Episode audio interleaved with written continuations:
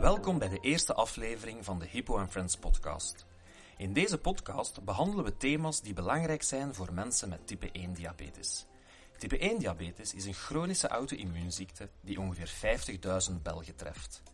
Met het Hippo Friends type 1 diabetesfonds creëren we meer bewustzijn, dragen we bij tot projecten voor meer levenskwaliteit en steunen we wetenschappelijk onderzoek. Ik ben Dieter van Houw. Vandaag gaan we het hebben over op kot met type 1. Welkom Lise en Marie. Uh, willen jullie eventjes voorstellen? Lise, we zullen met jou beginnen. Ik ben Lise, ik ben 20 jaar. Uh, ik heb diabetes type 1 sinds 2010, dus sinds dat ik 8 jaar was. En ik studeer nu rechten aan de KU Leuven en ik zit dus ook op kot in Leuven. Oké. Okay. Marie? Um, ja, ik ben Marie, ik ben 21 jaar. Uh, ik heb type 1 sinds uh, september vorig jaar, dus nog niet zo lang. Uh, ik studeer pedagogische wetenschappen aan de KU Leuven en ook, ik zit hier ook op kot. Oké. Okay. kunnen jullie meer vertellen over jullie diagnose met type 1 diabetes? Hoe werd het vastgesteld? ik kon niet slapen en ik moest heel vaak plassen. En we zijn dan naar de verschillende dokters geweest en die dachten allemaal dat het psychisch was. Dus die zeiden tegen mij dat ik gewoon moest ophouden.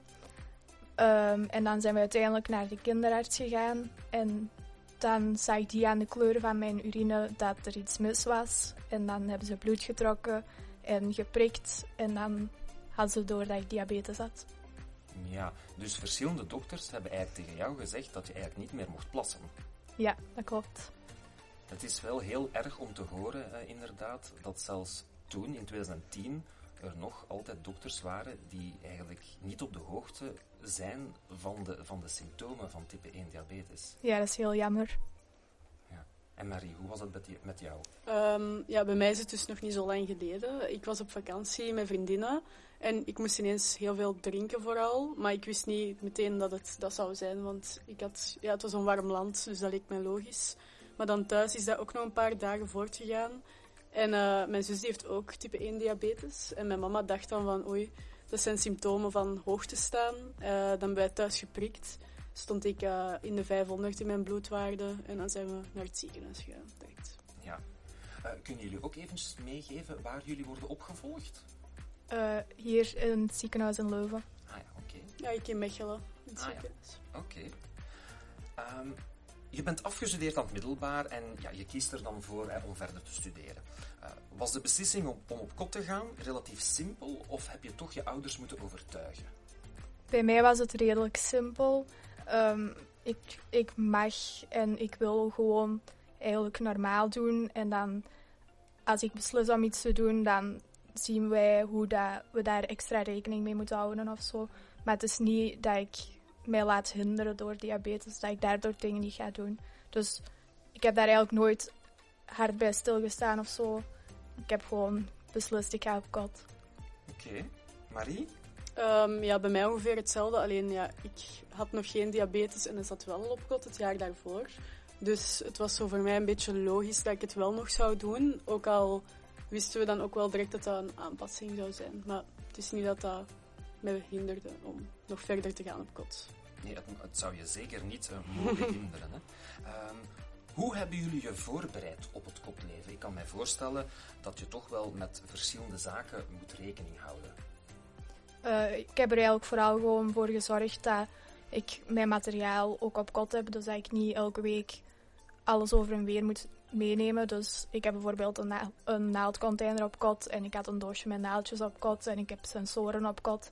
En ik heb gewoon alles wat ik nodig heb eigenlijk. En voor de rest doe ik gewoon alsof ik thuis ben. Leuk. Marie? Um, ja, bij mij kwam daar ook wel wat voorbereiding aan. Het was ook zo, dat was de week nadat ik in het ziekenhuis had gelegen, dat ik dan terug op kot moest direct. Dus dat was wel een grote aanpassing. Ja, ik, had dan ook zo, ik heb ook zo'n doosje met mijn diabetespullen op kot liggen. Reservegrief, sensoren. Dan ook wel wat extra koeken, dat ik daarvoor op kot nooit echt had liggen. Maar nu heb ik dan zo wel die standaard koeken liggen. En ja, die dingen. Uh, hebben jullie je kotgenoten eigenlijk ingelicht? Is ook zoiets nodig dat, dat je mede-kotgenoten eigenlijk op de hoogte zijn dat je type 1 diabetes hebt?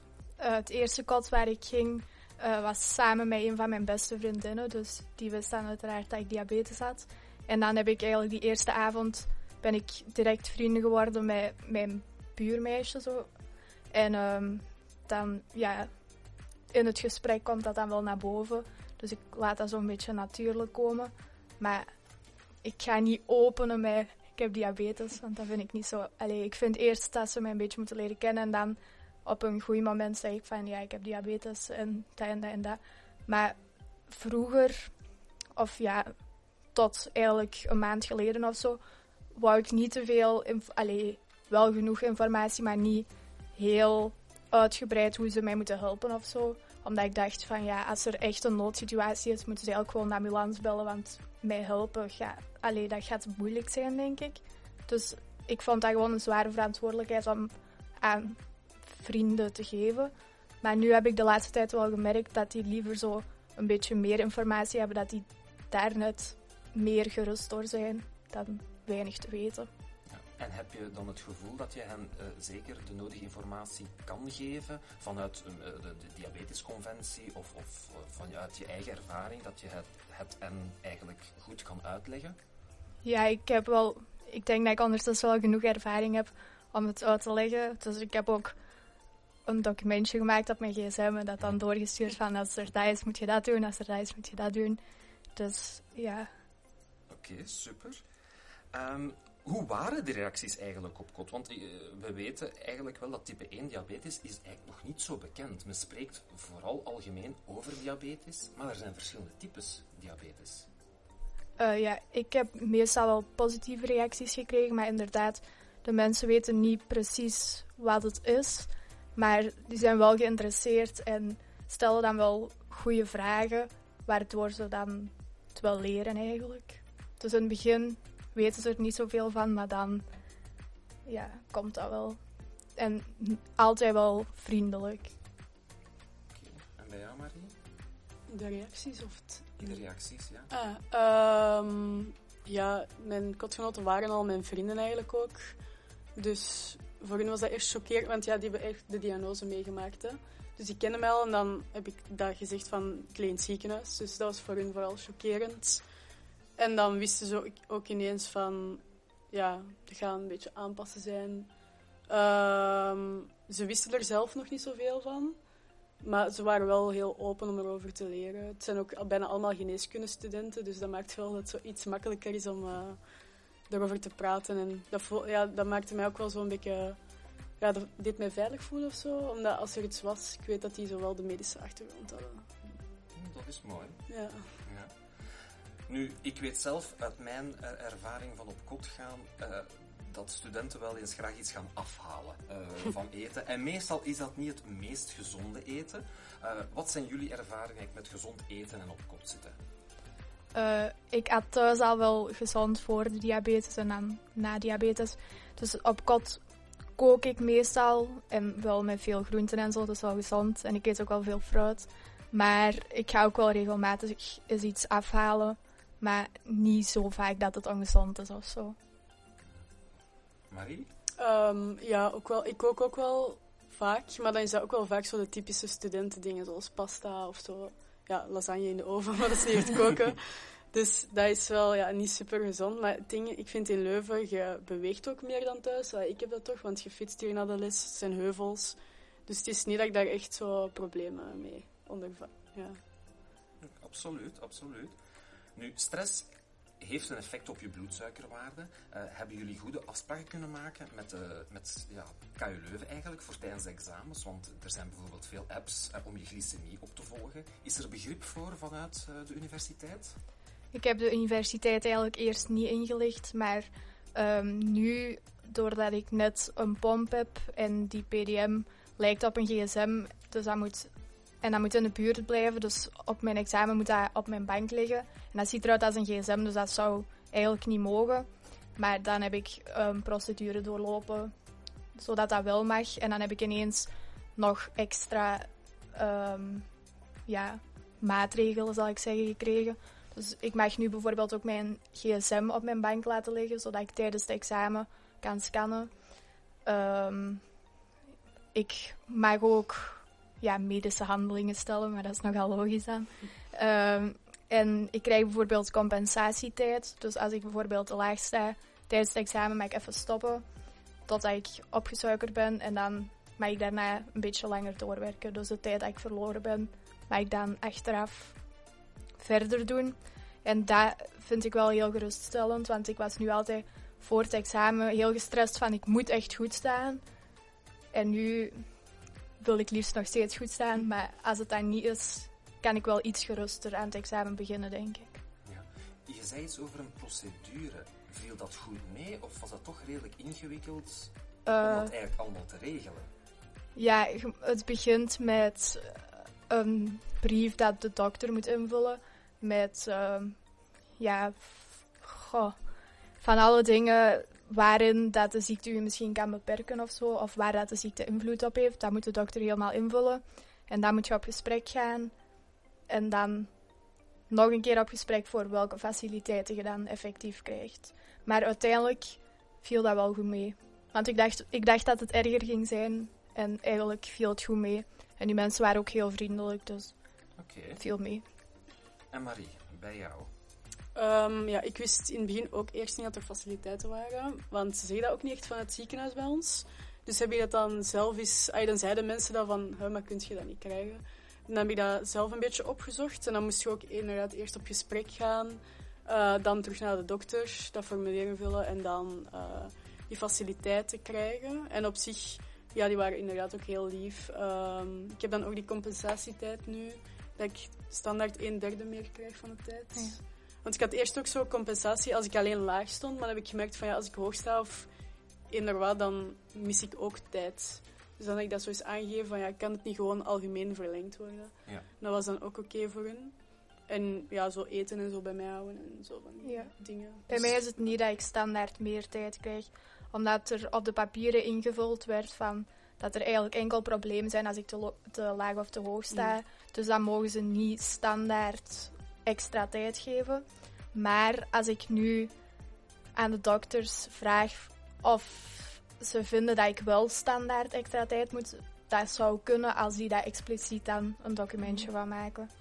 Het Ja. blijft dan wel een strikte procedure. Ja, ja. Effectief voor, voor eh, goedkeuring te krijgen, Ja. voor extra tijd en dergelijke. Strikt wel, maar wel rechtvaardig, vind ik. Ja. Ja, je moet er wel zo'n moti- motivatie voor hebben om het in orde te krijgen. Ik denk dat er ook mensen zijn dat zeggen van laat maar, ik ga zonder faciliteiten, want dan moet ik niet drie keer op gesprek gaan of zo. Ja. Ik heb dat En- wel gehoord. En wat ik ook hoor, is dat het best ook vanuit de diabetesconventie wordt eh, eigenlijk ja, de nodige uitleg wordt gedaan dat je daar eigenlijk wel recht op hebt. Ja, dat Wat ook al meer zijn. geruststellend kan zijn voor eh, jongeren met type 1 diabetes die aan de hogeschool of universiteit eh gaat starten. Ja. Nu, genoeg over die examens. Eh, als student ga je wel eens graag op stap. Ik weet dat ik dat toch graag deed in mijn studententijd. Wat is jullie ervaring met op stap gaan? Ja, ik ga wel regelmatig op stap, maar ik drink eigenlijk amper. Omdat ik heb gemerkt dat mijn waardes super hard beginnen schommelen al van één drankje alcohol. En ehm, ik ga sowieso niet zoveel drinken dat ik super zat ben en niet meer de controle heb. Want ik vind dat ik toch wel een beetje de controle moet houden. Dus ik vind het dan niet de moeite waard om één of twee dingen te drinken. En eigenlijk gewoon normaal alleen nog nuchter te zijn, maar wel super veel last hebben van mijn waardes. Dus ik drink, als ik drink, is het om iets lekker te drinken. Dus Heb je dan het gevoel dat je wat mist? Of heb je zoiets van, ik heb sowieso geen alcohol nodig natuurlijk om mij te amuseren, wat zeker, eh, zeker niet nodig is. Nee, dat is inderdaad wel mijn motto, dat ik geen ehm, alcohol nodig heb om plezier te maken. En dat is ook echt waar. Maar alcohol is wel een groot deel van het studentenleven, dus ik mis, ja, op een manier mis ik dat wel een beetje. Gewoon het feit dat dat eigenlijk amper gaat, vind ik lastig. Oké, en Marie, bij jou? Ehm, ja, in het begin was ik daar ook heel voorzichtig mee, omdat van- vooral vanuit het ziekenhuis zeiden ze dan van ja, uw waarden gaan dan dalen of schommelen. En dan was, was ik zo van, oei, kan ik nog wel drinken? Want ja, daarvoor deed ik dat ook wel gewoon. Eh, maar ik heb dus stap, allee, zo rustig aangeleerd dat dat eigenlijk wel... Bij mij gaat dat, ik schommel niet, dat is, ik denk voor iedereen anders, maar bij mij is mijn lijn dan echt gewoon plat bijna. omdat je ook, ja, als wij uitgaan, dan eet je ook af en toe wat en dan drink je wat. Dus dan op de een of andere manier komt dat bij mij wel goed. Dus Gaan jullie ook voor een nachtelijke snack uit de Ja. Leuven of eh, iets Ja. anders? ja, ik wel. En dan komt het goed met mijn suiker. Dus. Amai. Eh, wat zou je zeker en vast aanraden voor toekomstige studenten met type 1 diabetes? Wat heeft jou eigenlijk enorm geholpen, Lise? Ehm, ik zou aanraden om dan wel voor die, die faciliteiten te gaan op de universiteit. En eh, om je vrienden toch wel in te lichten dat, dat die een beetje gerust zijn, dat je zelf een beetje gerust bent. Ehm, maar voor de rest wil ik vooral de raad geven om u niet echt te laten beperken door diabetes, maar gewoon normaal te doen. Wel natuurlijk u goed verzorgen en alles, maar niet dat als eerste focus te hebben. Ja, je, eigenlijk je- jezelf op de eerste plaats zetten en zeker ja, alvast toch al niet die diabetes. Ja, dat is gewoon een deeltje van u dat je moet verzorgen, maar niet de bovenhand laten nemen of zo. Mhm. Ja. Ja, ik denk wel hetzelfde. Ik denk, het is niet makkelijk natuurlijk, maar het is belangrijk om gewoon, eh, net zoals alle studenten, te proberen leven met een extra ding dan. En inderdaad, uw vrienden inlichten helpt wel echt, vind ik. En dat die dat begrijpen, dat je een beetje begrepen voelt. Want ja, veel mensen kennen het niet echt. Dat kan frustrerend zijn, dus dat helpt. Mhm. En ook zeker eh, de faciliteiten, dat is ook wel echt een aanrader. Ja. Nu, eh Lise, eh, jij leeft nu al toch ja, eh, een tiental jaar hè, met Mhm. eh, type 1 diabetes. Hoe kijk je daarop terug, de, de afgelopen tien jaar? Ja, ik heb wel veranderingen gezien in de hulpmiddelen, zal ik zeggen. Dus ik ben begonnen met echt nog bloed prikken en insuline inspuiten. En dan, na een vrij lange tijd, is er dan, zijn de sensoren dan gekomen. Eerst met zo'n apart bakje en daarna dan met gsm, wat ik ook wel heel handig vind. En dan, ik ben nog tot deze juli blijven spuiten altijd. En nu heb ik ehm, een Omnipod-pomp. Dus een draadloze pomp vind ik ook wel mooi. Het gaat ook goed met het managen van je. Eh, ik heb vaak last dat de pomp lekt. Dus dat is heel lastig. En ik weet niet hoe, hoe ik het kan oplossen of zo. En de nachten zijn ook nog niet ideaal, maar ik denk, ja, ik heb 12 jaar gespoten, dus daar wist ik heel goed hoe ik daarmee moest omgaan. En daar kon ik heel goed mee spelen. En nu met die pomp is dat nog allemaal nieuw. Dus ik denk dat ik er misschien nog een beetje aan moet wennen. Weet zeker dat je altijd bij je diabetesteam terecht kan voor vragen. eh, zeker bijvoorbeeld met, met je pomp Mhm. eh, en dergelijke. Ja. Dus eh, ze staan altijd voor je klaar. En bij jou, Marie? Ehm, ja, ik ben eigenlijk direct begonnen met een pomp, wat ze niet vaak doen. Maar dat was omdat mijn zus dus ook die pomp had. En dan eh, hadden ze wat vertrouwen dat wij dat ook wel direct mee goed gingen om kunnen. En ja, dat was op zich ook wel zo. Dus ik heb eh, de Minimet 87 pomp. Dus die werkt samen met mijn sensor dan ook. En dat gaat algemeen wel goed. Die doet veel voor mij, want ik moet dan niet correcties geven zelf. Want je zit nu ook nog maar met ongeveer een jaar met Ja, type 1 diabetes. Dus je, je zit, eh, zo- zoals ze soms zeggen, nog een beetje in de honeymoon ja, dat is waar. Ja. Dus momenteel is het regelen van je waarde eigenlijk nog, nog redelijk oké. Ja, het is ja, ik heb ook nog niet veel insuline nodig momenteel. Maar ik, kijk, ja, ik heb ook mijn zus eh, dat dat dan heeft. En die heeft dat even, even lang als van 2010 ook. Dus ik heb zo die evolutie wel half meegemaakt van haar dan. Dus ik heb het wel Ja. gezien. En wat is voor jullie het, het moeilijkste aan de ziekte? Ik, ik denk dan, oké, fysiek of mentaal. eh, waar heb je toch nog altijd toch wat moeilijkheden mee? Ja, het moeilijkste is gewoon dat het altijd aanwezig is en invloed heeft op superveel, meer dan jij al kunt beseffen. En ja, soms moet je gewoon eens even pauze pakken en even rusten. En dat vind ik niet leuk, want als je bijvoorbeeld op reis bent met je vriendinnen en je staat aan te laag, dan vind ik dat heel moeilijk om even niks te doen. Dus dan doe ik eigenlijk ook gewoon voort, maar zo blijft je dan natuurlijk, allee, je raakt dat niet echt opgelost. Dus zo is het wel moeilijk.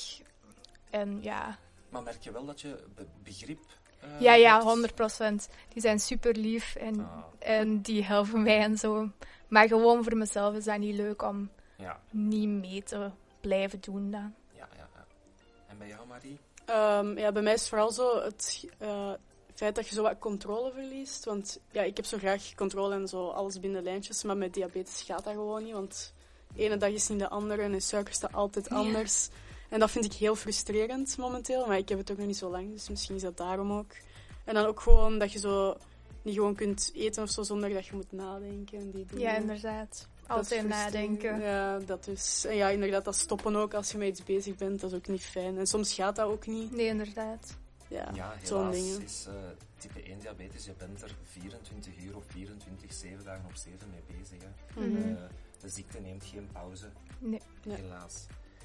Nu, vaak is de puberteit een zware periode. Normaal zijn jullie al eh, uit de, de puberteit. Eh, welke raad hebben jullie eigenlijk voor, voor andere jongeren die, die nu zo wat in de puberteit zitten?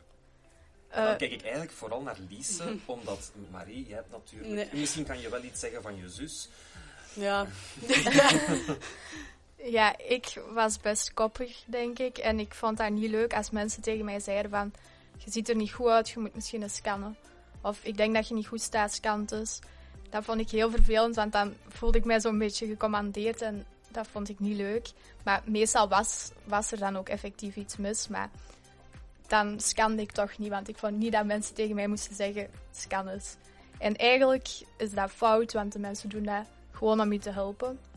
Dus ik zou als tip geven dat je echt de hulp moet aanvaarden.